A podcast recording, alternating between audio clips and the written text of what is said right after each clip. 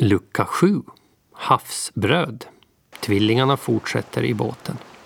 När bekymret med den simmande kossan är ur världen tar Frida fram en kaka hemvete som de fått med sig som färdkost.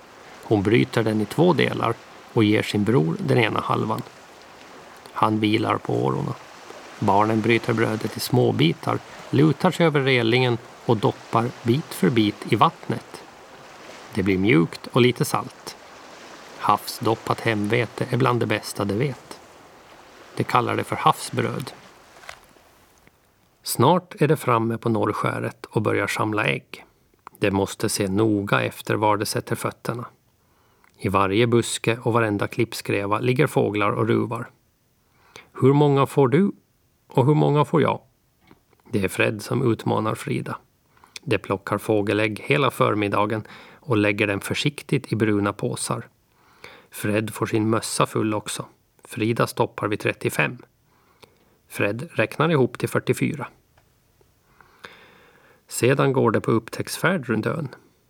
Snart kommer det till graven längst bort, en hög med stenar. Det är allt det ser.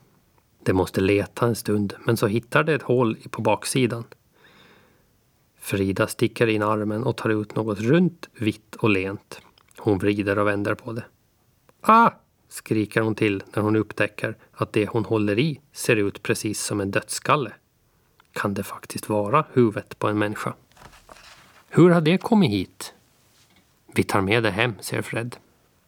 Tvillingarna är genast överens om att det är farmor och ingen annan det ska fråga.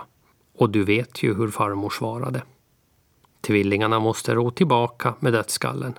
De lägger tillbaka fyndet i graven som de blivit tillsagda och sätter en sten för hålet. Just då hörde mamma ropa i medvinden. Frida och Fred, Fred och Frida, kom och ät, maten är klar. Då ror Frida hemåt igen i hastiga tag.